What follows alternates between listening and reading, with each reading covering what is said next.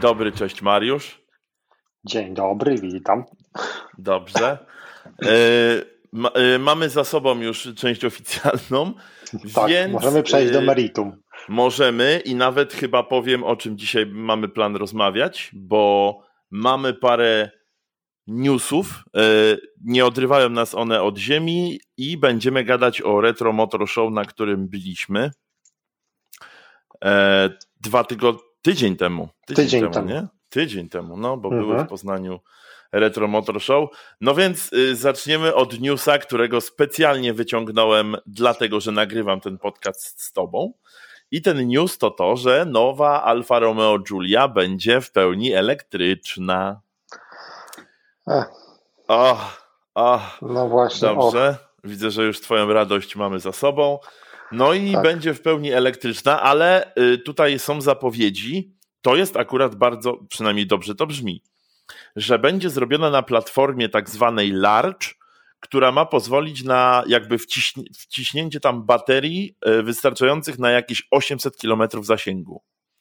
Także teoretycznie będzie miała zasięg jak y, mało pojemnościowy diesel, I do tego jeszcze nad tą platformą, nad tym wszystkim będzie czuwał człowiek, który pomógł stworzyć Julię GTA.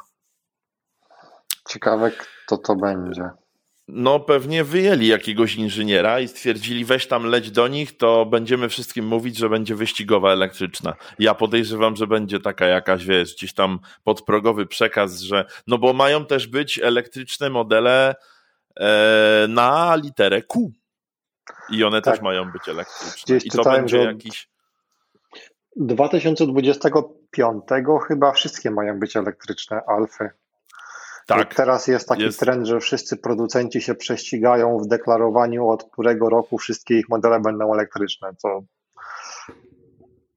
jest na to niesamowita moda, tak. I, a jeszcze globalnie jest, są wyścigi, kiedy w ogóle samochody spalinowe przestaną, wiesz, być uznawane bo tak. dzisiaj oglądałem niecały, co prawda, odcinek, ale y, motodoradcy, który mówił o tym szczycie eko, który był teraz, e, i o tym, że na lotnisku y, w pewnym momencie było 400 prywatnych odrzutowców. To jest bardzo eko w ogóle, od tego trzeba zacząć. Aha. E, I tam są jakieś plany, słuchaj, że w pewnym momencie będzie tak, że mimo, że masz swoje e, na przykład auto spalinowe, a powinieneś mieć elektryka, no to swoje spalinowe sobie mówisz, będę trzymał w garażu przecież. I sobie będę nim tam albo śmigał, albo trzymam w garażu. No i y, oczywiście może być tak, że wprowadzą y, opłatę, która będzie jakby nad zero emisyjna, no bo normalnie wtedy będziesz mógł mieć zero, y, zero emisji, więc wtedy na przykład co rok będziesz dopłacał przez to, że to przekroczyłeś. Także mogą coś takiego wprowadzić. Natomiast ja, jak słyszę, że to będzie za, nie wiem, 15 lat czy coś takiego, to ja szczerze wątpię. E, ale, ale elektryki na razie zostawmy, bo z, z poprzedniego odcinka tak. wywnioskowałem, tak. że, że budzi w nas to niesamowite emocje. Elektryfikacja jako taka, jako w ogóle proces i, i podejście do tego procesu, to jest w ogóle temat na osobny odcinek albo dwa, myślę ja myślę, ja myślę, że na osobny podcast nawet. To jest tak, y, bo... ten poziom. Mm, tak, więc natomiast co do samej alfy, znaczy ja się w ogóle dziwię, bo ty powiedziałeś, że to jest jakaś platforma large, a, a ta Julia, która jest teraz, no jest na platformie bodajże Giorgio. I widać, Giorgio znaczy, wiesz, się, co, nie, wiem, large... się nie przyjął, czy przerobili, czy... Wydaje mi się, że tu chodzi o platformę jakąś. Oni pewnie mają jakieś nazwy, jeśli chodzi o elektryki i jeśli chodzi o jakby miejsce na akumulatory. I jest normalnie, że jest platforma big i jest platforma large, więc wnioskuję, że, że też jest platforma small po prostu. Nie? Może tak więc być. To, jest, to są, no, to jest, to wydaje mi się, że to jest takie nazewnictwo Bo po prostu. Jakby Julia sama w sobie, ona była projektowana tak, że ona już jest przystosowana do tego, żeby być na pewno hybrydą, nie jestem pewien, czy elektrykiem, czy tam, natomiast no, 800 km zasięgu to na chwilę obecną to, to trochę mi ciężko uwierzyć, bo musieliby naprawdę dużo tych baterii władować. Teraz chyba te wydaje, elektryki, które są, to tak 400 coś kilometrów to jest dobrze. Natomiast. No niektórzy, e, niektóre mogą tam szarpnąć nawet 600, powiedzmy, że przy takiej jeździe, wiesz, naprawdę eko, naprawdę, naprawdę, no to tam szarpią po to 600, Aha. ale no to jest tyle czynników, które mogą to zmienić, że jakby też ciężko jest mówić o jakimś stałym zasięgu. E, ale prawda. mówię, no to jest, y, to jest temat y, tak naprawdę, który można ugryźć z tysiąca, znaczy, na tysiąc różnych tu, sposobów. Tu jest, no. w tym jednym temacie jest dużo tematów na osobne odcinki, tak, bo tak, jakby Alfa Romeo sama w sobie i to, co oni zrobili przez ostatnie, nie wiem, 4-5 lat, to jest temat na osobny odcinek, bo to jest bardzo piękny przykład na to, jak y, zacząć z przytupem, a potem z dużej chmury wychodzi mały deszcz niestety, tak? tak. Mimo, że no. ma się w gamie modelowej samochód, który no, moim zdaniem jeździ obojętnie w której wersji tak naprawdę lepiej niż nie wiem czy aktualna generacja, ale poprzednia generacja trójki na pewno, bo hmm. jak ja robiłem przymiarkę do Alfy, to miałem właśnie F30 328 i to było dwulitrowe i jeździłem dwulitrowym dieslem Julie, takim po prostu 2 czy 2,2 jakoś tak. No tak, no to, tak no. była. I w szoku byłem, że to o wiele lepiej w ogóle skręcało, hamowało, jeździło niż, niż, niż moja trójka. Natomiast no, jak widać, ten przykład pokazuje, że nie tylko wystarczy mieć super samochód jako platformę, tylko jeszcze trzeba umieć go sprzedać, co tutaj niestety no, nie wyszło i gama modelowa też niestety nie wyszła, bo ja śledząc newsy przez czas posiadania Alfy, to tylko czytałem o tym, jakie to będą nowe modele i w którym roku, a później kolejne newsy o tym, jak to one zostały przełożone, tudzież tak, e, tak, tak, tak na, na, na, inne lata. Mm. Albo te modele, które Dokładnie. miały być modelami Alfy, się okazało, że nagle będą modelami Maserati, ponieważ ktoś na górze zdecydował, że Alfy już nie wskrzeszamy, wskrzeszamy teraz Maserati. No i tak ciężko jest być klientem Alfy. No. To trudny żywot jest, naprawdę.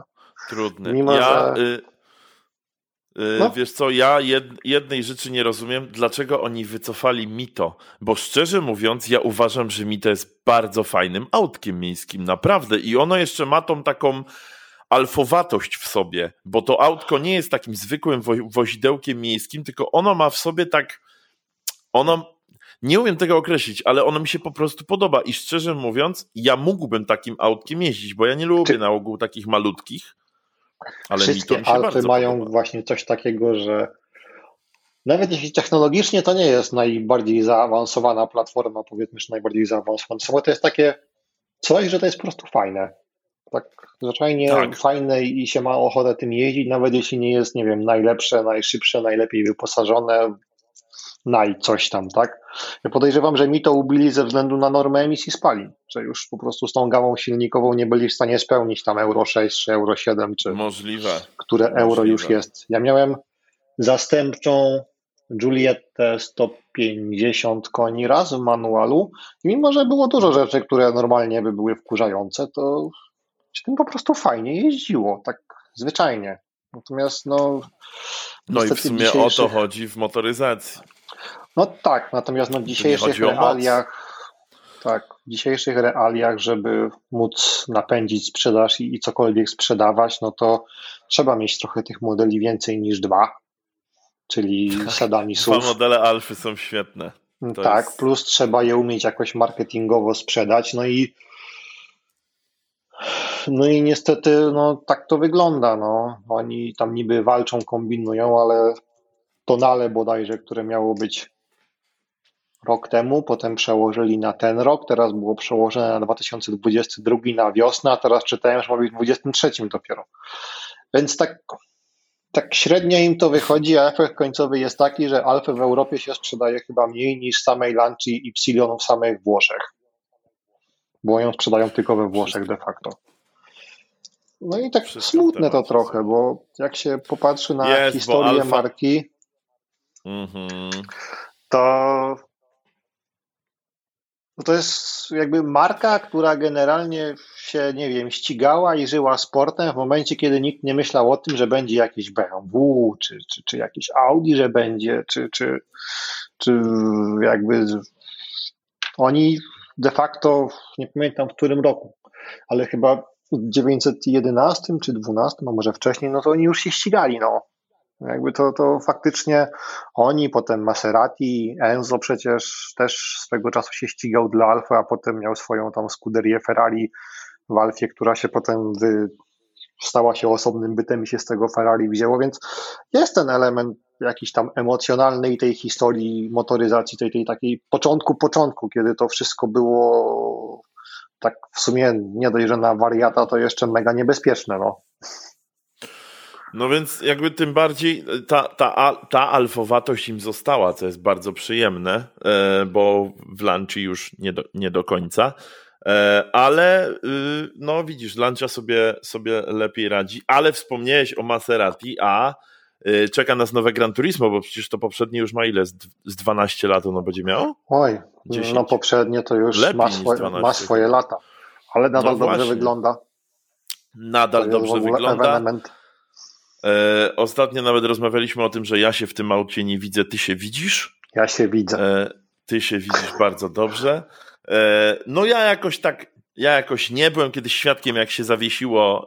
Pan pojechał do Ikei na jakieś zakupy i z wyjazdem był potężny problem, bo No i jest to problem, no. Jest. Ono jest naprawdę dość nisko, ono jest naprawdę nisko zawieszone. Nawet nie dość, ono jest nisko zawieszone. To prawda, natomiast to jest taki e... samochód, to jest samochód z gatunku jakby takiej nienarzucającej się elegancji, i z gatunku ja mogę, ale nie muszę. Y, tak, tu masz rację. Tu, tak, opisałeś to, y, opisałeś to świetnie, bo znaczy, to jest auto, które kupuje, bo ono jest ani, ani wyścigowe, ani jakieś przesadnie wygodne, no bo jednak to zawieszenie pewnie daje się po jakimś czasie we znaki. Wydech, który w trasie dudni i mocno buczy, naprawdę mocno, e, to jest takie auto, mi się wydaje, że to jest idealne auto, jakieś takie, wiesz, weekendowe, to by było perfekcyjne, bo ten, to brzmienie silnika jest po prostu nieziemskie i Maserati do dzisiaj jest dla mnie w czołówce, a co do, co do czołówki właśnie dźwięków, to w nowym Maserati e, nie wiadomo jaki będzie silnik, ale w sumie to wiadomo, e, gdzieś tam są domysły i to mocne, że ma być to 6-litrowe V6, 3 ja gadam? Przepraszam, 3-litrowe V6. To samo co w MC12, MC20, w którym moc zostanie obniżona. Specjalnie sumie... dla y, modelu Gran Turismo. Ciekawe, bo oni mają teraz takie modele, które się nazywają Trofeo i to i Ghibli, Quattroporte i, i Levante jest w wersji Trofeo i tam jest silnik V8. Nie pamiętam, czy turbo, czy biturbo, ale jest V8. Wiesz Więc co, może dojść jestem... V8 potem. Tak. Może to, dojdzie. To, to będzie w sensie ciekawe. Pierwszy, pierwszy, o którym jakby teraz się gdzieś tam e, ludzie domyślają, to jest to V6 na bank, że na bank będzie V6. Mi się też wydaje, że V8 będzie, no bo Maserati bez... Chociaż jak teraz możesz kupić 2.0 hybrydę, znaczy pytanie o normy emisji spalin podejrzewam. Znaczy to, to jest inny temat, 2.0 Czy się zmieszczą w ponad. No tak. No, czy się tak, zmieszczą w limicie tak. normy emisji spalin. Natomiast no, Maserati to jest taka marka, że w zasadzie taka mogę, ale nie muszę. To jest mhm. w nich naprawdę bardzo, bardzo fajne, bo ja miałem raz okazję jechać Gran Turismo i naprawdę nie jest to ani super szybkie, ani jakby nie czuć, że to jest taki super sportowy samochód, ale jest w nim taka jakby mm. esencja tej, tej, tej motoryzacji, że się tym po prostu przyjemnie jedzie. I wcale nie ma poczucia, że trzeba jechać szybko. Można jechać i 50, i 40 i się jedzie fajnie. W sumie to jakby czego więcej do szczęścia potrzeba. U mnie y, mam przed, y, przed balkonem, przed oknami taki parking strzeżony, wiesz, osiedlowy. On jest ogromny, mhm. on jest po prostu wielki. I właśnie jakieś parę miesięcy temu y, do gamy aut dołączyło Maserati y, Gran Turismo w czarnym macie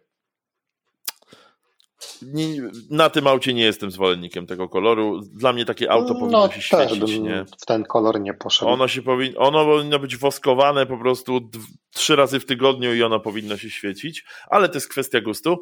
No i pan jak go odpala, no to naprawdę jedy, Jedyne auto, które z nim wygrywa jest to y, Mustang GT350 chyba na jakimś y, straight pipe, bo jest okrutny, jak odpala, naprawdę. To jest cold start ma taki, że ja czasem się dosłownie przestraszę siedząc tutaj.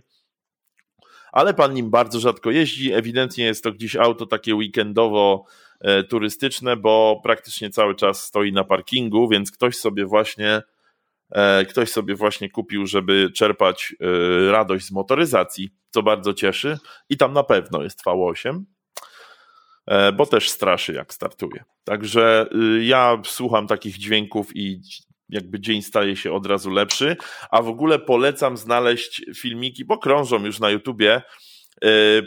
Jeździ w, w kamuflażu to nowe Gran Turismo już, mhm. nie? Po ulicach, bo tam testują Polecam znaleźć filmik, na którym słychać silnik. To jest jakby bardzo fajna rzecz i na mnie to zadziałało jak jakaś melisa. No, brzmi w taki sposób, że tego się nie da opisać. Jest, jednocześnie jest, jakby czujesz tą wysoką kulturę pracy tej V8. Ona jest aksamitna, ale jednocześnie ona jest strasznie brutalna. Jeśli chodzi o dźwięk, ona jest po prostu przebrutalna, ale brzmi obłędnie. Także polecam znaleźć filmik, bo bo jest bardzo przyjemnie. No, Maserati zawsze to trochę tak jak AMG. AMG też zawsze to był też dźwięk, a Maserati to tak. dźwięk tylko, że taki po włosku. W sensie czy to V6, czy, czy V8, V8 w tym w MC One zawsze to, to inaczej brzmiały. Chyba, zawsze. Tak, zawsze brzmiały tak, że było wiadomo, że to, to, to Maserati jest. Dokładnie tak. Dokładnie tak. A propos, y, a propos V8,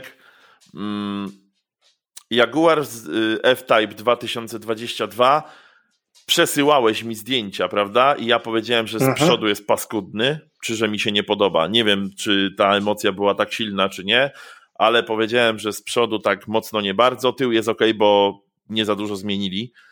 E, no i ja przy... gdzieś tam powiem ci, że się przyzwyczajam, że co, codziennie jak włączę to zdjęcie, to tak z dnia na dzień gdzieś tam się z tym godzę i się do tego przyzwyczajam, ale ciekawa rzecz będzie w Australii, ponieważ no w Europie i w Stanach jakby będziesz miał 2.0 turbo, 3.0 V6, czyli normalną, e, normalną gamę silników, no i V8, jeśli, jeśli, będziesz chciał zaszaleć. W Australii natomiast możesz mieć Jaguara też z dowolnym silnikiem pod warunkiem, że będzie to V8. Nie ma, innych no, nie ma innej opcji w ogóle, nie? To trzeba szanować. I, tak, idziesz, idziesz do salonu w Australii, mówisz, ja bym chciał Jaguara, dobrze. I on ci od razu zaznacza, że chcesz V8, bo jesteś poważnym gościem, prawda? Więc jakby, no po co ci 2.0 turbo w Jaguarze? No i cyk, i można, można, tylko że oni się jeszcze nie martwią tymi limitami, co my. E, mm, I, no tak. te v, no, I te V8 będą e, pięciolitrowe, będą dwie, będzie pięciolitrowe e, V8 doładowane, Pierwsza wersja to będzie 444 konie, jak ładnie, a i będzie też wersja R567. I to no już jest pięknie. moc. Ciekawe, jest... czy będzie SVR.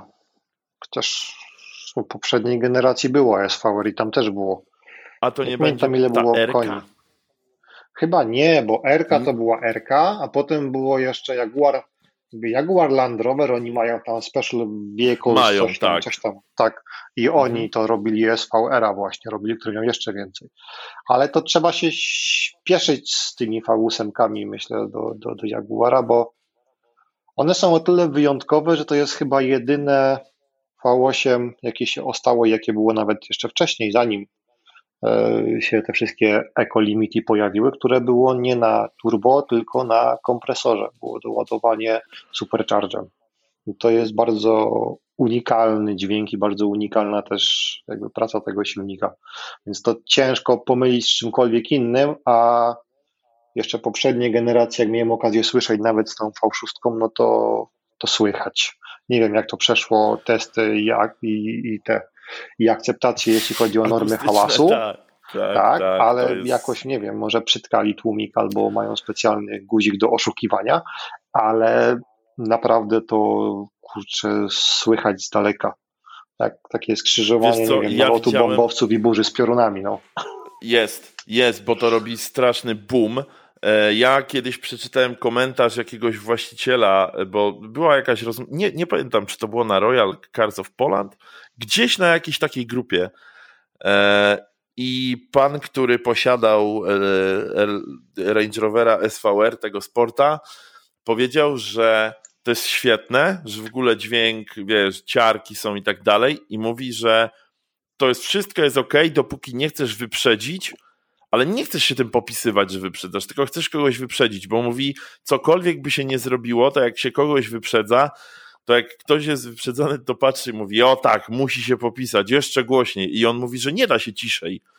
Że on próbował, ale się nie da ciszej, że ten wydech robi po prostu takie straty akustyczne, że czy przyspieszasz, wiesz, jakoś mocno dynamicznie, czy po prostu, to on jest ale to prawda. Mocno głośny. Ja kiedyś stałem na światłach i dojeżdżał F-Type 3-litrowy chyba, ten nie najsłabsza wersja, tylko taka pośrednia właśnie 3 litry V6 z Superchargem, no to on nie jechał, on po prostu dojeżdżał do świateł, a generalnie tak. było go słychać po prostu z odległości tam, tam taki... kilkuset metrów, że on, on, on się zbliża.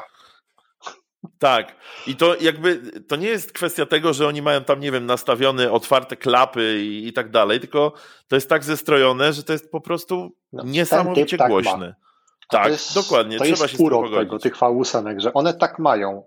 To nie jest udawane, to nie jest z głośników, to nie jest zaprogramowane. Tak po prostu jest. To, to Ale one mają tak silnika. mieć na dobrą sprawę. Tak. One mają tak mieć. To tak powinno wyglądać, że ta V8 jednak powinna dawać znać, że jest E, no, V8, chociaż w takim momencie, kiedy już nie wiem, tobie jako właścicielowi to zaczyna przeszkadzać, można by pomyśleć o jakimś, wiesz, zamykaniu klap czy czegoś, bo to pewnie... Tam chyba jest wiesz, zamykanie klap, ale nie wiem, czy dużo pomaga. Ja no, też właśnie się zastanawiam nad tym. E, ja ale... mam sąsiada, który ma Porsche Cayenne stare, ono ma z, ojeju, no spokojnie, z 13-14 lat no to powiem ci, że no też robi, to jest terroryzm. Cold Start tak samo, terroryzm. No, Także, ale rozmawiałem no. z, ze, ze sprzedawcą, znaczy tam jest jakby oni w salonie Jaguara i Land Rovera i on mi powiedział, że następna generacja to już nie będzie tych silników V8 od nich, czyli tych Jaguarowych czy tam Land Roverowych, tylko będzie silnik 4, e, on jest 4 czy 4 litry, ten V8 biturbo z BMW. No, czyli Taka też ciekawostka. Czyli też już nie będzie tego brzmienia, bo to, a to jest kurczę naprawdę w skali całej światowej motoryzacji to nie wiem, chyba kiedyś Mercedes jeszcze używał kompresora, ale też ręki sobie nie dam uciąć, więc to naprawdę jest unikalne to, że oni na supercharge'u lecą. Jest, ten dźwięk jest, jest niesamowity i można by się nad nim chyba rozwodzić też przez cały odcinek. Moglibyśmy go w sumie puszczać i robić takie o i znowu puszczać i o i to myślę, tak, że na przemian z Maserati. 40 minut. Tak, dokładnie tak. Myślę, że powinniśmy tak kiedyś zrobić. Bo Jaguar jak na pobudzenie, Maserati, żeby było kojąco i Cudownie. I plan jest, plan jest myślę, że Jeszcze bardzo jakieś bardzo V12 od Ferrari. O, bo tak. to też są bardzo, bardzo ciekawe silniki V12 od Ferrari. Oj. Oj, oj, oj. Dobra, to poczekaj, bo się roz, y, ja się rozmarzyłem troszkę i straciłem kontakt w ogóle z tym, co się dzieje. Więc teraz to jest chyba bardziej ciekawostka niż, niż news, ale Tesla wskoczyła na trzecie miejsce w sprzedaży luksusowych marek w, y, w USA i wygoniła z podium Mercedesa i jest za Lexusem.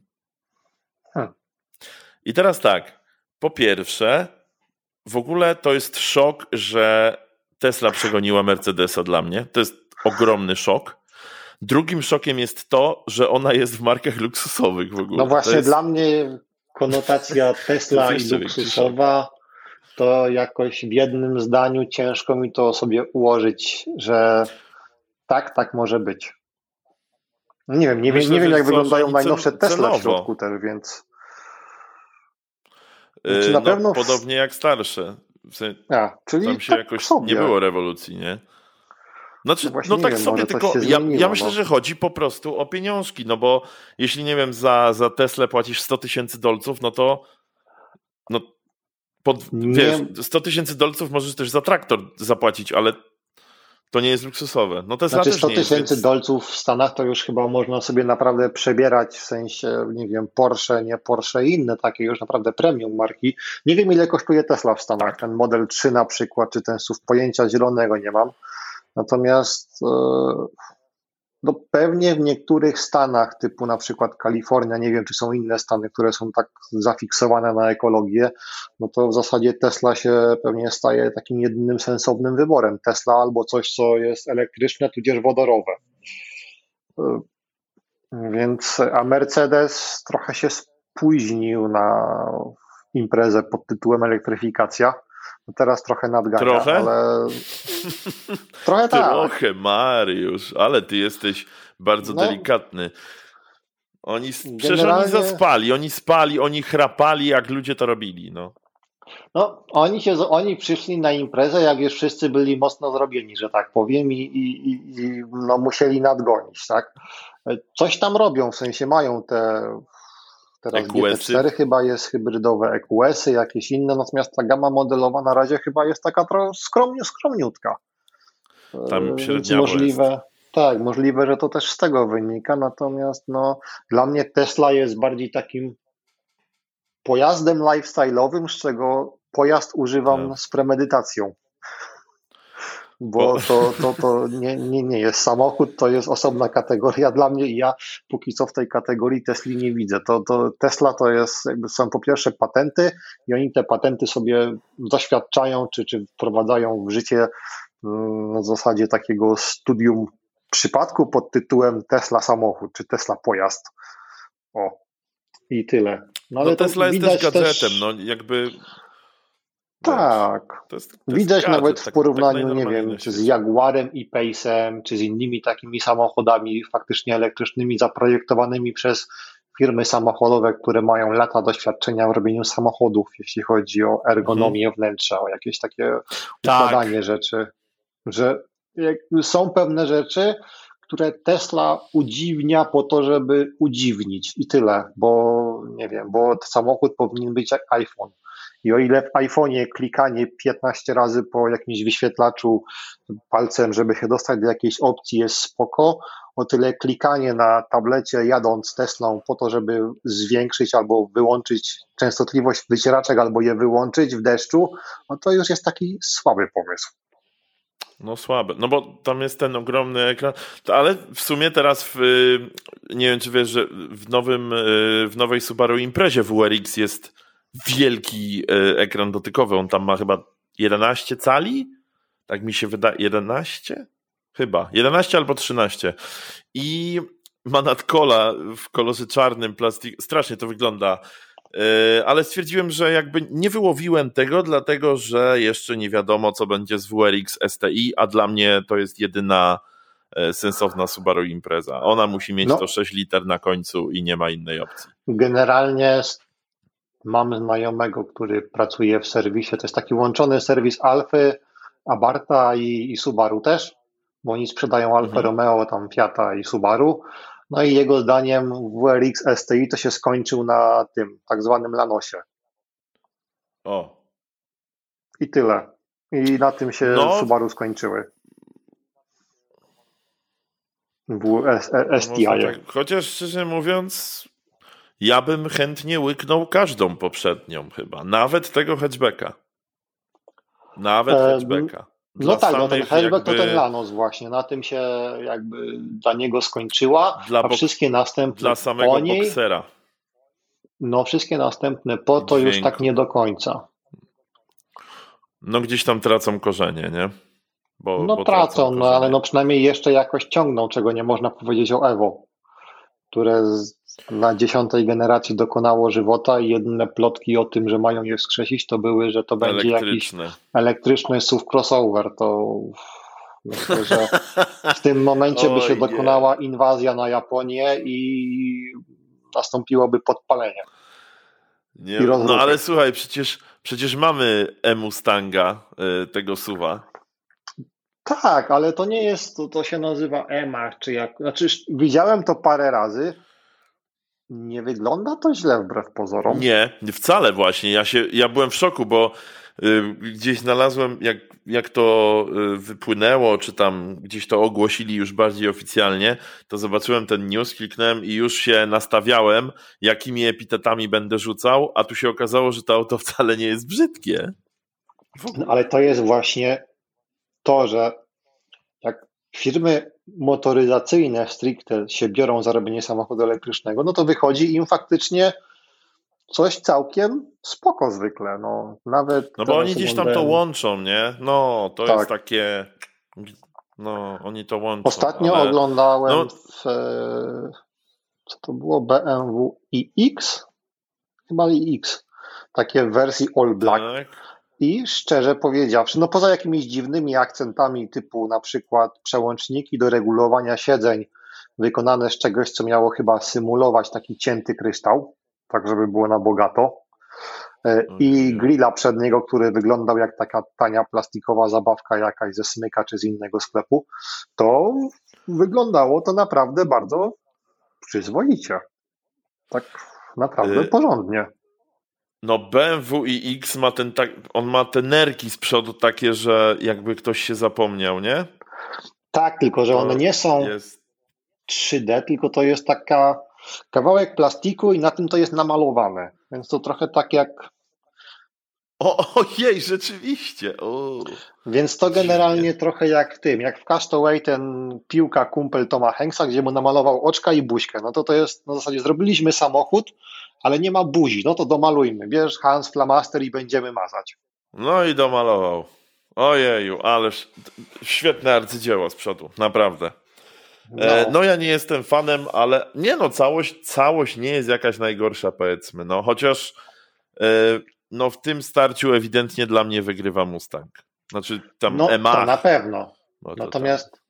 ja myślę, że oni mają o tyle, przynajmniej BMW, o tyle ma ciekawą strategię, że oni najpierw zmienili design swoich samochodów spalinowych. To wszyscy tam się trochę poobruszali, potem się przyzwyczaili tak. i teraz wypuszczają samochody elektryczne w bardzo podobnym designie.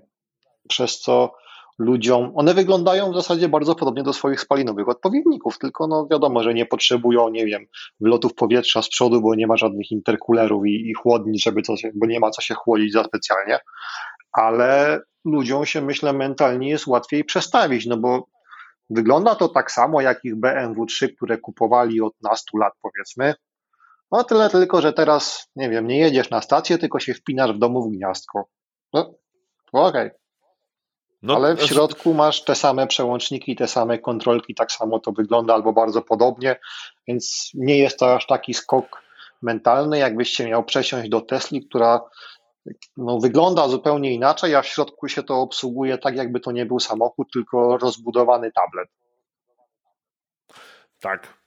To, znaczy oni bardzo fajnie robią to, że przechodząc jakby powiedzmy ze, ze spalinówek na elektryki, właśnie to jest to, co ty mówisz, nie doznajesz szoku, który jakby gdzieś cię pcha w, takim, w taką dezorientację, zagubienie, tylko jakby wiesz, wsiadasz do czegoś, co już znasz i jedyne do czego musisz się tak naprawdę przyzwyczaić, no to jest ta największa zmiana i różnica, czyli zamiast silnika spalinowego y, silnik elektryczny. I to jest, to jest oczywiście bardzo mądre, bo e, nawet jeśli się jeśli nie będziesz jakby zwolennikiem, a to w pewnym momencie pewnie nie będziesz miał wyboru, no i nie doznasz wielkiego szoku, tak? Coś tam się zmieni, ale e, nie będziesz od tego uciekał i nie, nie znowu muszę tam jechać tym. Bo no, jakby dla mnie, wiesz, umieszczenie wszystkiego w tablecie to, to jest to jest niepoważne po prostu. W sensie mówię, to jest gadżet. To nie jest. No tak, no nawet z perspektywy jakby bezpieczeństwa operowania tym, no pewne, pewne funkcje, które nie wiem, są najczęściej używane, albo które e, nawet nie są tak często używane, ale są używane w warunkach jakichś trudnych, czy, czy, czy które mogą być potencjalnie niebezpieczne, typu wycieraczki, przełączanie świateł, ustawianie temperatury klimatyzacji, włączanie, wyłączanie klimatyzacji.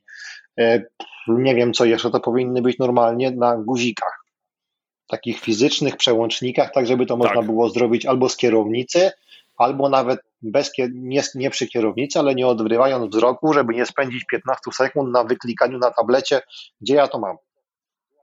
Dokładnie tak. Zdecydowanie się z Tobą zgadzam. Ja na przykład kocham to, że mam e, podgłaszanie i przyciszanie, przyciszanie radia w kierownicy jako zwykły analogowy, akurat tam jest scroll, jak w myszce, bo już następna w Volkswagenach, chyba w Arteonie jest tak, że masz na dotyk, w sensie tam przeciągasz tym palcem, wiesz, jakieś haptyczne rzeczy, mhm. no i tam użytkownicy bardzo nie są zadowoleni, bo e, mówią, że oni nie wiedzą, jakby oni widzą, że to się dzieje, ale oni tego nie czują, więc jak jadą, to jest im ciężko, wiesz, no powinieneś się skupiać jednak na jeździe, a nie na tym, żeby wiesz, sobie ustawić tym, tą haptyką i się tam dziubać z tym. Po prostu tak, przekręcasz to... i jest, nie? Mhm. Nawet przy takiej, nie wiem, klimatyzacji, no to czuć skok pokrętła. Wiesz, że jeden skok to jest, nie wiem, zmiana o jeden stopień albo o pół stopnia, tam pewnie każdy ma po swojemu producent. Tak. No ale widzisz, rzucasz okiem, że masz, nie wiem, 19 stopni, to wiesz, że jak przekręcisz trzy razy, to będziesz miał półtora stopnia więcej na przykład. I na przykład. koniec. I to, to jest pliki. bardzo fajne. To jest tak. fajne, a nie klikanie po wszystkich tych właśnie dotykowych rzeczach, które raz, że strasznie się brudzą i to widać, a dwa, że tak na dobrą sprawę to za specjalnie nie wiadomo o ile ty sobie to, nie wiem, podgłosiłeś, zwiększyłeś, zmniejszyłeś, przestawiłeś, to Wiem o co chodzi. Więc y, w związku z tym, że jakby właśnie stwierdziliśmy, że my byśmy lepiej zrobili nowe samochody w środku, to przejdźmy do starszych samochodów i pogadajmy o tym Retro Motor Show. Gdyż spotkałem tam parę moich miłości, ogromnych, y, bezgranicznych, y, z plakatów, które miałem. E, I tak, ogarnęliśmy to w półtorej godziny wszystko, tak plus minus, nie? Aha. Tam łaziliśmy jakieś półtorej godziny. I ja na początku myślałem, że to w sumie mało, no bo co, półtorej godziny na dwie hale, ale z drugiej strony to przecież nie był zwykły motor show, tylko to są auta, które tam mają od nie wiem, 12-15 lat do 80 nawet, nie? Więc, no, to y, prawda. No, znaczy, musi wydaje mi się, że też tak, że też ciężko jest zebrać, bo tam bardzo dużo było, bo, o, znaczy ostatnio, kilka ostatnich lat to jest bardzo duży też wzrost mody na klasyki. To się zaczęło chyba od jest. ściągania samochodów z Japonii, później Stany, czy odwrotnie. Natomiast no, zrobiła się z tego bardzo duża moda. Mm, mm, nie wiem, czym to się wiąże. Najprawdopodobniej, przynajmniej tak mi ludzie mówili, którzy trochę w tym też siedzą, że po prostu społeczeństwo nam się bogaci, w związku z powyższym ludzie mają pieniądze na to, żeby wydać na rzeczy tak po prostu dla przyjemności ich posiadania. Czyli jakiś klasyczny kabriolet na przykład, albo jakiś samochód, który za dzieciaka ktoś miał na plakacie nad łóżkiem i teraz sobie może pozwolić na, nie wiem, Mercedesa SL jakiegoś albo jakieś o. coś, czym, nie wiem, tata jeździł Audi jakimś, tak? I ktoś marzył, nie wiem, jeździł Audi 80 i ktoś marzył o Audi S2, no to sobie może teraz tak. kupić Audi S2. Czy, czy tego typu I, rzeczy. Ja, ci, ja bym ci zadał pytanie, y, nad którymi autami najdłużej, e, że tak powiem, stałeś i na które najdłużej się patrzyłeś. I ja znam w sumie odpowiedź, ale no nad którymi autami się najdłu, A, najdłużej tam y, zawiesiłeś oko? Hmm? E, Porsche 993, ale trochę przerobione na styl RWB. Tak, e, w ogóle wszystkie klasyczne te, te Porsche jakoś, o ile wcześniej do mnie jakoś nie, nie przemawiały, o tyle teraz myślę, że to wiąże się z tym, że one są faktycznie postrzegane jako niezawodne, że to jest taki samochód, że od chyba generacji 964, czyli tam końcówka lat 80. chyba to jest. W zasadzie to jest taki samochód, który można kupić i można nim jeździć na co dzień. No i się go serwisuje i tak dalej, wiadomo, tak jak każdy samochód. Natomiast no, on jest mm, zdatny do takiego codziennego użytkowania, co, co też jest bardzo fajne. No wiadomo, że masz wszystkie jakby przywary Porsche związane z tym, że ten silnik jest w takim miejscu, w jakim jest i na pewne rzeczy trzeba uważać, albo się skończy na płocie, ale no, to, to, to jest fajne. Więc y, to e, tam jeszcze były jakieś, było chyba replika Quattro S2, no ale to już jest taki grubszy temat. e, że tak powiem. Natomiast też bardzo mi się podobają wszystkie starsze Evo i Subaru i, i jakieś takie Delta Integrale, natomiast no niestety one mają ceny jakie mają. E, co jeszcze? Alfa była 155, też bardzo ładne auto. Bardzo ładna. Mm, tak. Bardzo klasyczna. Tak, bar, bardzo klasyczna. No i chyba z grubsza to tyle. Takiego, no i Ferrari. Tak, tam było Ferrari. Trzy, yy, bo tam było F 355. 355, tak. tak. Więc Ferrari klasyczne też są ładne, natomiast podobno w utrzymaniu jest trochę gorzej. E, no, Mo, może tak być, Mariusz, że Ferrari może tak jest być, troszkę drogie tak. w utrzymaniu. Natomiast też muszę tak. powiedzieć, że jak są e, w Warszawie takie spoty youngtimerów, youngtimer Warsaw, to naprawdę bardzo dużo, bardzo fajnych takich klasycznych samochodów przyjeżdża, że można się kurczę ostro zdziwić, co ludzie w garażach trzymają. No widzisz, fajna rzecz. Że, tak, że, że naprawdę jakby to taka, nie wiem, czy miłość do klasycznej motoryzacji, czy chęć posiadania czegoś, co jest, jak to się ładnie mówi, analogowe. Gdzieś tam w tych ludziach jest i siedzi, i oni, obojętnie czy to jest klasyczna amerykańska motoryzacja z tymi wszystkimi wielkimi Cadillacami, Chevroletami i, i, i innymi tego typu krążownikami szos, które w zasadzie zajmują, nie wiem, 5-6 metrów i ciężko tym w ogóle cokolwiek zrobić w naszych warunkach, przy naszych drogach, no ale ludzie naszych, też jakby tak. tak. spełniają marzenia i to jest, to jest bardzo, bardzo fajne, bo to przy tym, jak teraz mamy wszystkie systemy wspomagania, wszystko jest elektronicznie jakoś tam modulowane i sterowane, no to coś, gdzie jest wszystko mechanicznie i hydraulicznie, jest zupełnie inną też kategorią doznań. No tak, no bo wtedy, ja, ja, ja mówię na takie auta surowe. I ja w ogóle lubię surowość w autach. To znaczy, na co dzień wiadomo, że jako daily car byłoby ciężko w ogóle, nie wiem, na przykład jeździć takim e, Dodge'em Chargerem, bo byłoby ciężko.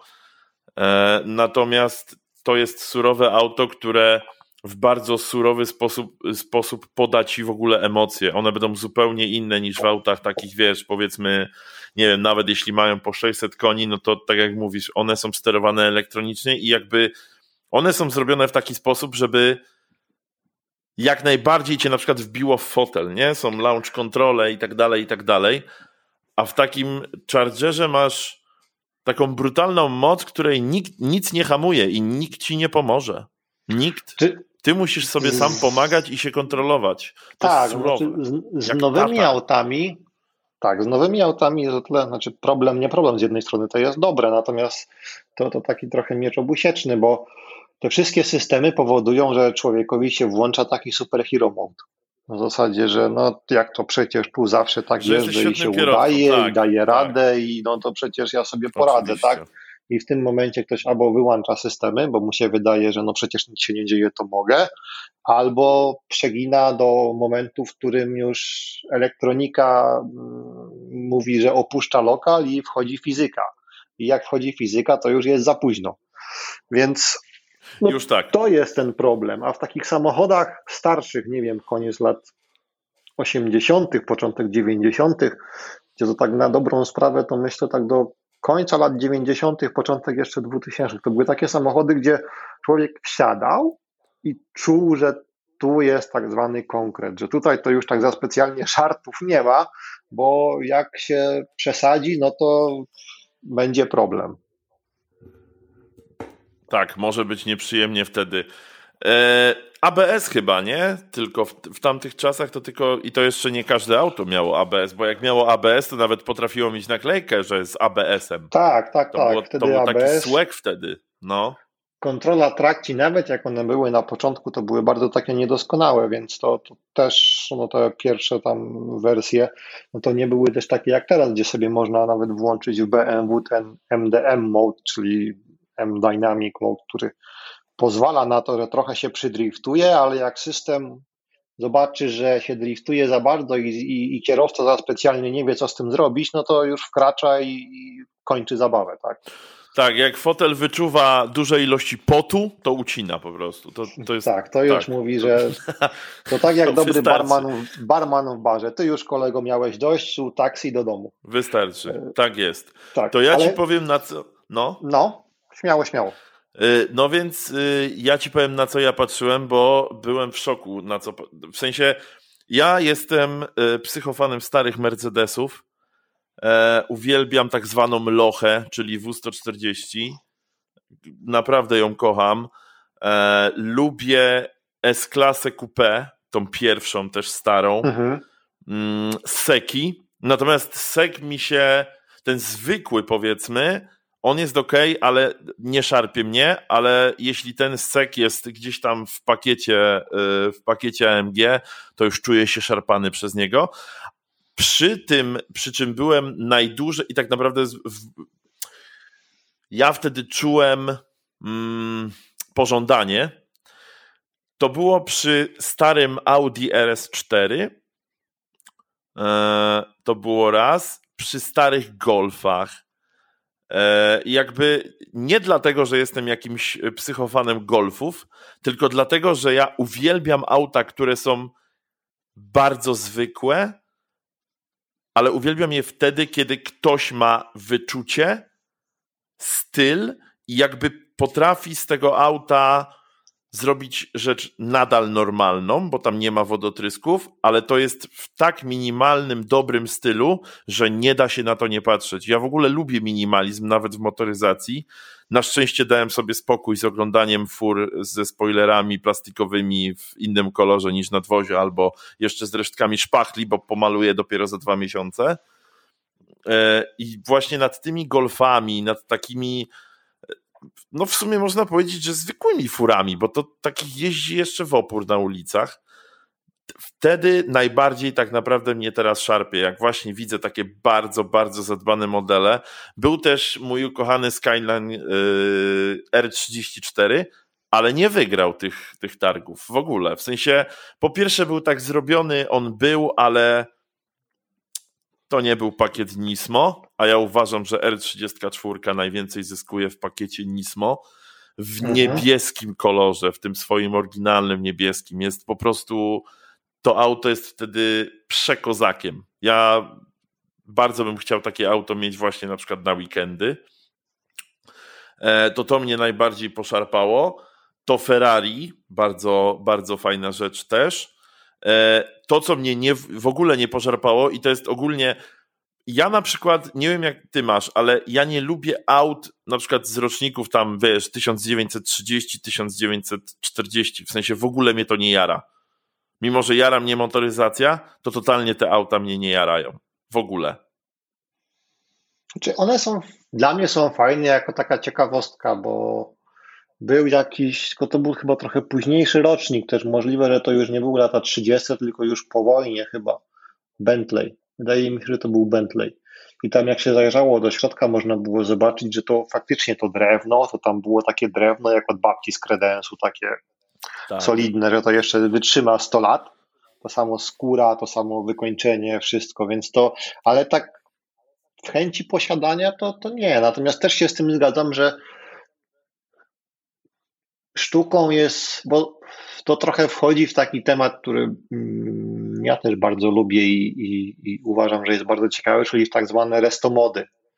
Że fajnie tak. jest mieć właśnie takiego, nie wiem, golfa, czy takiego jakąś starszą BMK trójkę, czy jakieś starsze Audi, czy Mercedesa, czy, czy nawet coś jeszcze starszego, czy nawet właśnie w, w Porsche to jest też bardzo modne, albo w Alfach i pozmieniać te rzeczy, które jakby się zestarzały, niektóre faktycznie warto zmienić, czyli nie wiem, zawieszenie, hamulce, może coś poprawić w skrzyni albo i też nie i tak dalej, ale zostawić resztę tak mechanicznie i, i doprowadzić jakby całe wnętrze i zewnętrzne do stanu najlepiej takiego najbliżej fabryki jak się da i to jest wtedy fajnie zrobiona właśnie taka, takie odnowienie takiego klasyka. Nie bawić się w jakiś tu spoiler, tu felga, tu obniżenie, tu coś tam, bo to no to, to nie, nie o to w klasykach chodzi. To już wtedy się robi taki tuning ala Need for Speeda, to jest, znaczy to, to nie moja bajka zupełnie, jakieś takie Need for Speedy. U mnie zależy od, od auta w sumie, bo w takim na przykład Skyline'ie ja bym nie miał oporów przed założeniem. No, mówimy tu o JDM-ach. O, to będzie dobre mhm. określenie. O, o JDM-ach, bo na przykład mnie strasznie też jarają JDM-y. Nie mówimy tutaj o Hondzie Civic, y, która ma zamiast y, rury wydechowej kosz na śmieci, czy tam kubeł, bo tu nie o to chodzi, ale wiesz, mówimy o autach, które ja chyba z rok temu, albo może jeszcze dalej, widziałem, słuchaj, e, Honda Civic e, Type R, oryginalną w białej perle, z białymi felgami, tymi też oryginalnymi. Mhm. Całe auto było bardzo zadbane. Ja zrobiłem wtedy zdjęcie, ale miałem tak upaćkaną przednią szybę, że ogólnie nic z tego zdjęcia e, nie wyszło. I bardzo żałuję, bo to był pięknie zadbany, zadbany egzemplarz. A która wersja? Mnie strasznie jarają w ogóle. Yy, ta z tymi. No 90 któryś rok, nie? Tam 96, A, 97, ta... coś okay. takiego. To, to, to już kojarzę, no. No, więc bardzo, bardzo mi się spodobała i ogólnie jarają mnie JDM-y. Kiedyś aż tak mnie nie jarały, ale na tych targach też się zatrzymałem, bo była na przykład Nissan Silvia zrobiona pod drift typowo E, była Toyota Supra MK, ona jest chyba MK1 czy MK2 o, z 3-litrowym silnikiem turbo. E, więc jakby gdzieś tam te JDM, te japońskie coraz bardziej mnie przyciągają i nad tymi, nad tymi autami jakby poświęciłem najwięcej czasu robiąc zdjęcia moim profesjonalnym telefonem.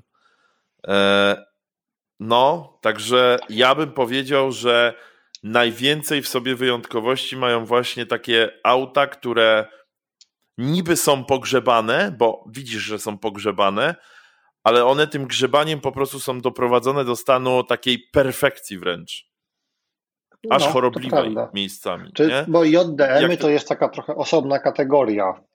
To tam tak, spoiler jest. jakiś, coś, to tak. Natomiast. Y, ja lubię, znaczy, powiem ci, że w tych JDM-ach tak.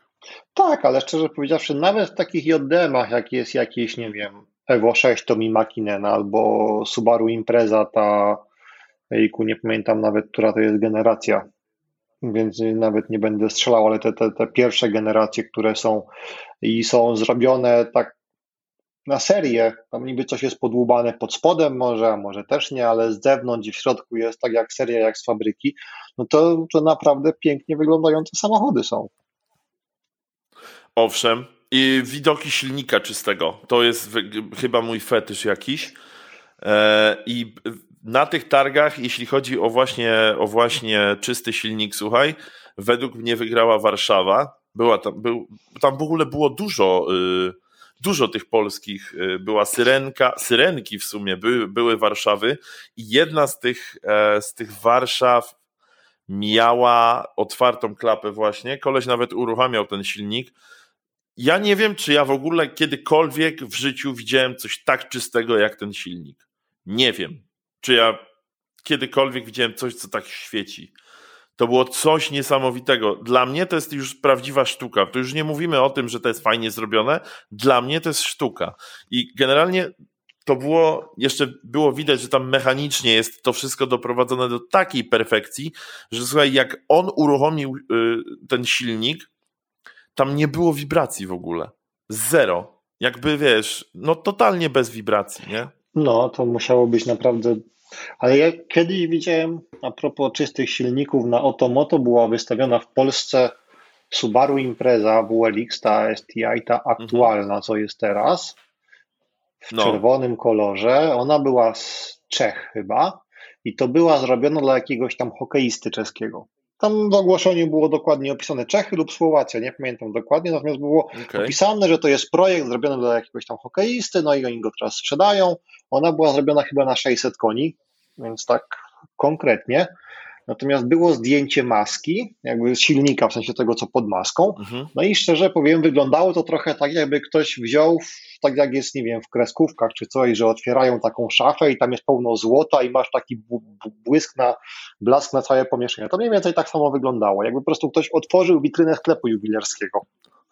To jest świetne. Ja uwielbiam coś takiego jedyne, to co mnie przeraża, to ile trzeba, słuchaj, pracy i konsekwencji, nie? Bo ten silnik, patrz, no normalnie możesz tam, nie wiem, przejechać palcem i to polizać, bo nie będzie konsekwencji żadnych, nie?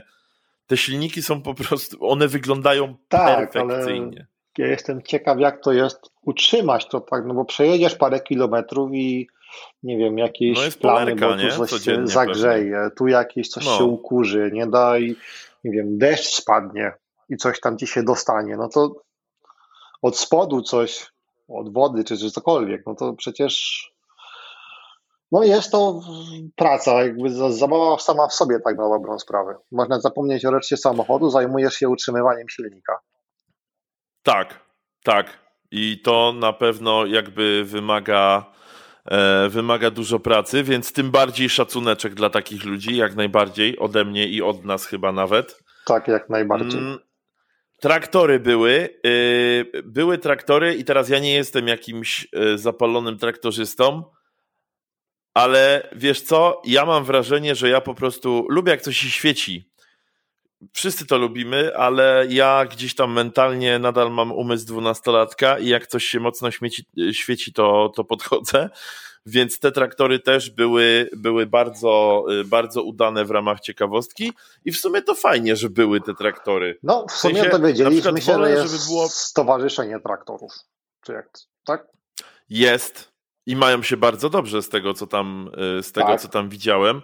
E, nie wiem, czy zwróciłeś uwagę, przez jakiś czas szliśmy obok takiej sceny, tam był taki pozdest i tam tak, tak. Mhm. E, rozmawiał jakiś pan z panią i nie wiem, czy się tam, czy podsłuchiwałeś tę rozmowę. Ja przez chyba minutę, półtorej ją słyszałem i ten pan mówił o tym, że bardzo jakby docenia to, że młode osoby zamiast wymieniać auto je naprawiają, albo że wiesz, poświęcają gdzieś czas i miejscami nawet duże środki na to, żeby doprowadzać te auta do, E, do fajnego stanu.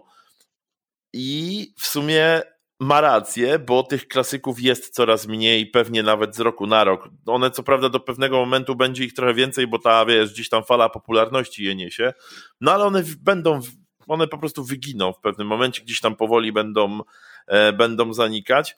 I teraz rzeczywiście jest coś takiego, że jak, nie wiem, dla, mi się wydaje, że dlatego teraz jest leasing taki popularny, bo biorąc auto na przykład w leasing na, nie wiem, 3-4 lata, biorąc auto tam, nie wiem, nawet dwuletnie, trzyletnie, no to wiesz, że ono musi wytrzymać do iluś tysięcy kilometrów, a potem to cię w ogóle nie interesuje, nie?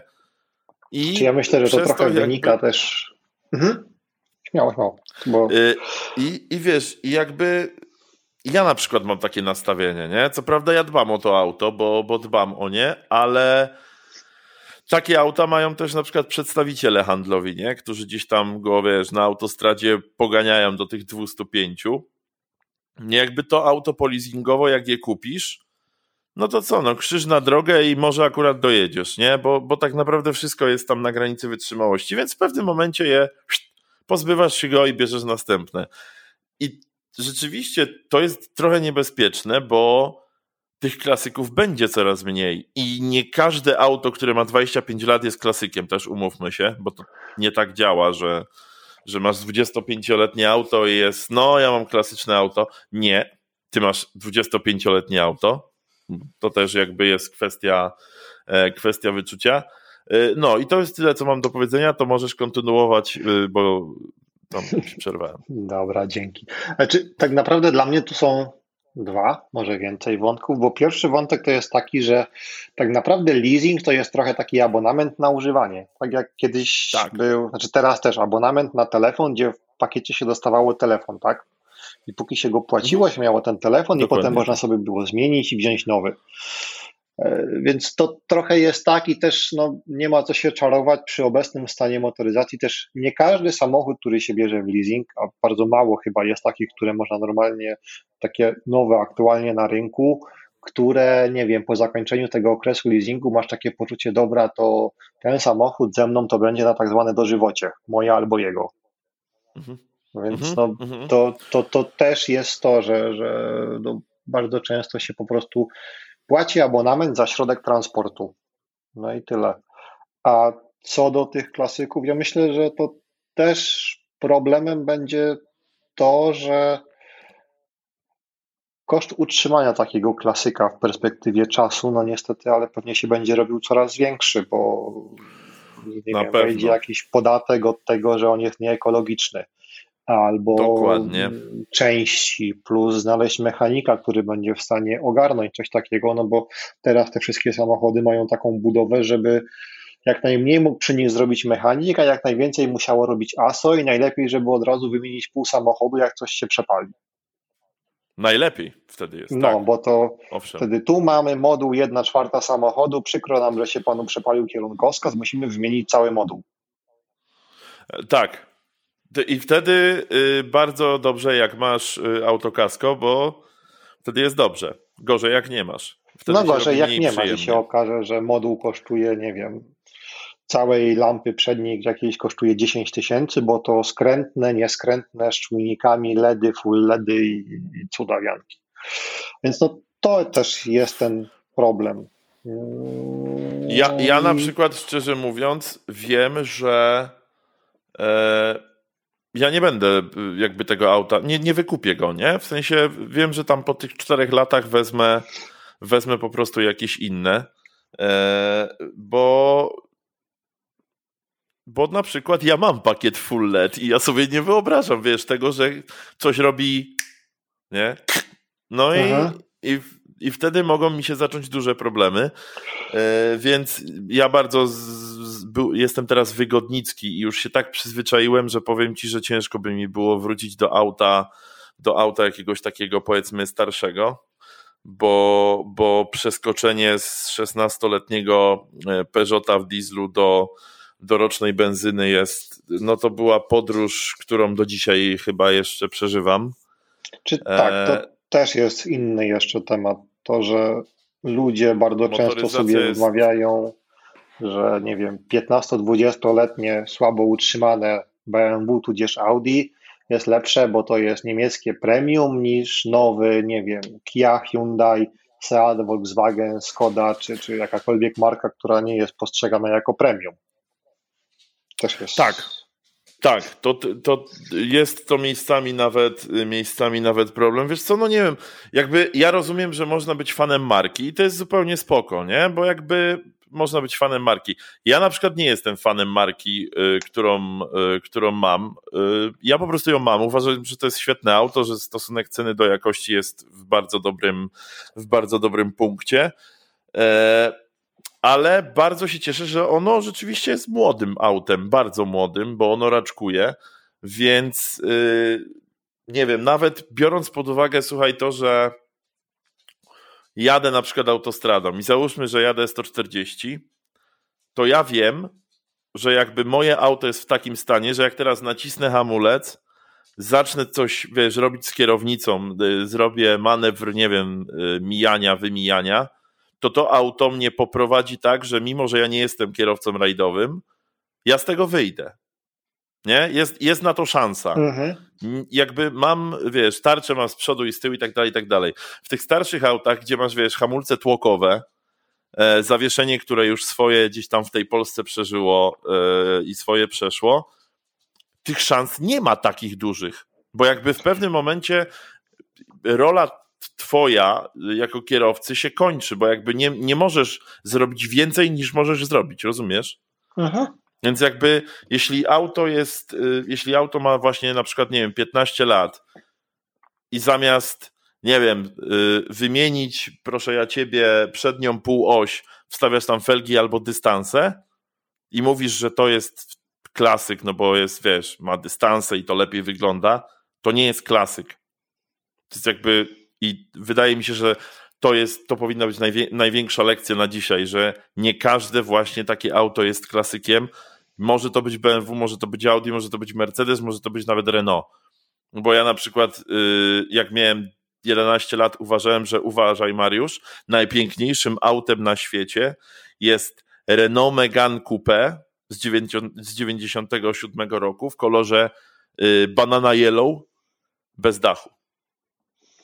Uważałem, że to jest najpiękniejsze auto na świecie i ja chcę je mieć. Dzisiaj pewnie mógłbym je mieć, ale nie ale zaufam już, temu tak. Michałowi, 12-letniemu. Nie? To jest jak, ja mu nie zaufam. To jest, nie, nie chcę. To już zostanę w tym, w tym aucie bez duszy i bez historii, w którym jeżdżę i jest mi wstyd niezmiernie. Y, no, także y, ogólnie podsumowując, słuchaj, Motor Show mi się bardzo podobało.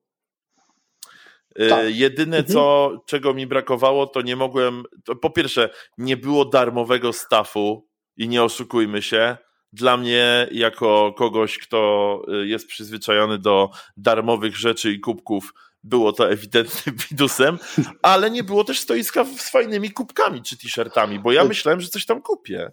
Tak, nie było, czy nie było czuć takiego odgórnego jakiegoś, że tak powiem, ducha organizatora.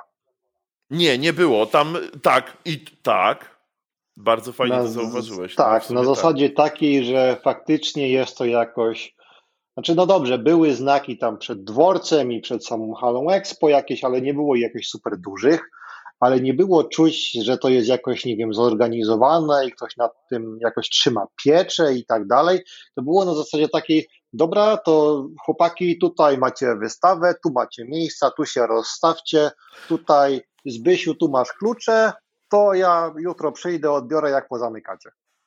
Tak, tak, z, z, jak, jak WF-ista, który wiesz, zaczyna się WF i on rzuca piłkę i mówi, no dziś piłka nożna i, i wychodzi do kantorka. Tak, tak to, to klasyk. mniej więcej tak było, więc jakby i to też tam było tyle problem, że czy fajnie, że tam się reklamowały, miały stoiska, te wszystkie domy, które aukcyjne, czy, czy, czy firmy, mhm. które się zajmują sprowadzaniem i handlem klasykami. Natomiast przez to też się pojawiło tyle chaos, że te samochody poza jakimiś tam wyjątkami, gdzie to ktoś się starał to jakoś pogrupować. Było takie stoisko, na którym z jednej strony były te samochody z bloku jakby tego naszego z Układu Warszawskiego, że tak powiem, a po drugiej z Europy Zachodniej i, i między nimi była żelazna kurtyna, że tak powiem, zasymulowana. O tyle mhm. nie było tych samochodów pogrupowanych jakoś, nie wiem, markami, może już okresami to, to, to może byłoby za dużo, ale także idziesz w jedno miejsce i masz wszystkie niemieckie na przykład. Idziesz w jedno miejsce, masz wszystkie włoskie albo francuskie, no. a i amerykańskie, więc o tyle było to trochę utrudnione, bo tak się wszystko było wymiksowane. No, Więc... wiesz co, było, było pomieszane i generalnie miałem wrażenie czasem, że, że już gdzieś byłem, bo jakby były te same fury nawet, nie? Tak, bo tak naprawdę w tym, nie wiem, w pierwszym, w pierwszej hali były te klasyczne Mercedesy mhm. i potem w drugiej hali też były klasyczne Mercedesy i tak też. trochę w sensie tak trochę się gubiło wątek i te, te wątki były takie przerywane, bo zamiast faktycznie mieć wszystkie, nie wiem, Mercedesy w jednym miejscu, gdzie możesz sobie obejrzeć, porównać, co się zmieniło, może bo będą dwie generacje obok siebie, albo dwa takie same, zobaczyć jak się mają do siebie, czy co, cośkolwiek takiego, to jedne, jedno stoisko, nie wiem, Porsche, Alfa, Ferrari, Mercedes, nie pamiętam co tam jeszcze było i potem w drugim budynku znowu e, Mercedes, BMW i, i JDM obok. Więc tak trochę ktoś nie przemyślał, no ale z drugiej strony fajnie, że takie rzeczy też się dzieją, bo sobie można popatrzeć na samochody, których nie wiem, normalnie na drogach się już nie widzi, no. Natomiast też no. tak a propos, wracając jeszcze na chwilę do tych traktorów, bo to ja tam słuchałem tego pana trochę, który tam tego wywiadu udzielał, mnie zdziwiło to, że on powiedział coś takiego, e, co on powiedział, a, że nie wszystkie ich te egzemplarze, które oni mają, są tutaj wystawione, bo niektórzy z członków tego klubu mają takie, e, nie wiem, takie te traktory chyba, czy maszyny, które są na tyle dużo warte, że oni ich nawet nie chcą wystawiać, co mnie bardzo zastanowiło. Uuu. No, że masz jakiś taki klasyczny traktor, który jest, nie wiem, wart tyle, że się go boisz wystawiać, bo boisz się, że ci go na przykład później cię namierzą i ukradną. Wiesz co? Znaczy, kurczę, czy to dziwi? W sumie tak, wiesz, po paru sekundach jak to złapałem, na dobrą sprawę pomyśl sobie, że jest mało klasyków, to jak mało musi być takich traktorów? No, w sumie to prawda. Musi, przecież takich, to już są naprawdę gdzieś tam pewnie pojedyncze, wiesz, rzeczy w skali nawet nawet nie europejskiej, tylko po prostu światowej, nie? No Więc... podejrzewam, że jak są jakieś pierwsze spalinowe traktory z początku wieku, czy, czy, czy nie wiem kiedy się pierwsze pojawi, ale podejrzewam, że trochę po samochodach, no to tak, to to może być mhm. dużo warte faktycznie. Może być. Także e, inwestujcie w traktory. To dzisiaj tak, możemy bo nie wiadomo ile mogą być warte. powiedzieć. Nie wiadomo, może kiedyś kupicie za to statek kosmiczny, może tak być. E, także kupujcie traktory. Traktor do garażu e, i Ja na koń. Ja dzisiaj, wiesz co, dzisiaj trafiłem, e, przeglądając tam e, różne feedy RSS w związku z motoryzacją, trafiłem na taki artykuł, tak na szybko na koniec, tankowania za tak zwane 5 dych zawsze, nie? Że wiesz, raz w tygodniu tankujesz za 5 dych, zamiast raz w miesiącu zatankować na przykład za dwie stówy. Mhm. I e, na koniec chciałbym powiedzieć, że nie warto jest tak robić, bo po pierwsze wydatek jest ten sam, po drugie ceny paliw rosną, więc może się okazać, że z każdym tygodniem będziecie płacić więcej, a po trzecie e, jeśli będziecie lać zawsze za 50 zł, czy tam nawet za mniej, żeby ta, tylko ta rezerwa lekko zgasła, no to może się tam skraplać woda, może się dostawać e, powietrze, które potem prędzej czy później z pompy paliwowej zrobi wam tak zwanego rudzielca. E, I tu nawet nie chodzi tylko o, o pompę paliwową, tylko o cały układ. Także jak już tankujecie, zalejcie tyle, żeby nawet jeśli macie pływaka, ten pływak się zresetował. Mi się kiedyś właśnie zawiesił przez to, że lałem mało. Parę razy zalałem za mało i no prawie mnie auto y, zaskoczyło w korku. Tak było już mocno blisko, nie? Pokazywało, że mam tam chyba coś koło połowy, no i się okazało, że niekoniecznie.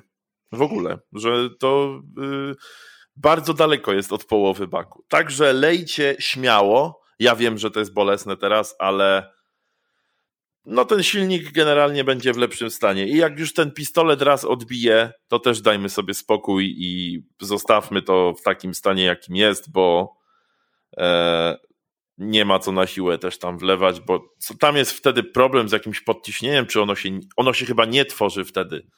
Że jak jest za dużo, to jakby podciśnienie się nie może stworzyć i wtedy też mogą być problemy. Także to są złote, złote rady, złote ponieważ bawimy koniec, i uczymy. Tak. tak, bawimy i uczymy, a teraz kończymy. Y, do widzenia, trzymaj się Mariusz. Y, no i do następnego razu pewnie. Tak, dziękuję bardzo za rozmową bardzo ciekawą i co, do następnego. Do następnego.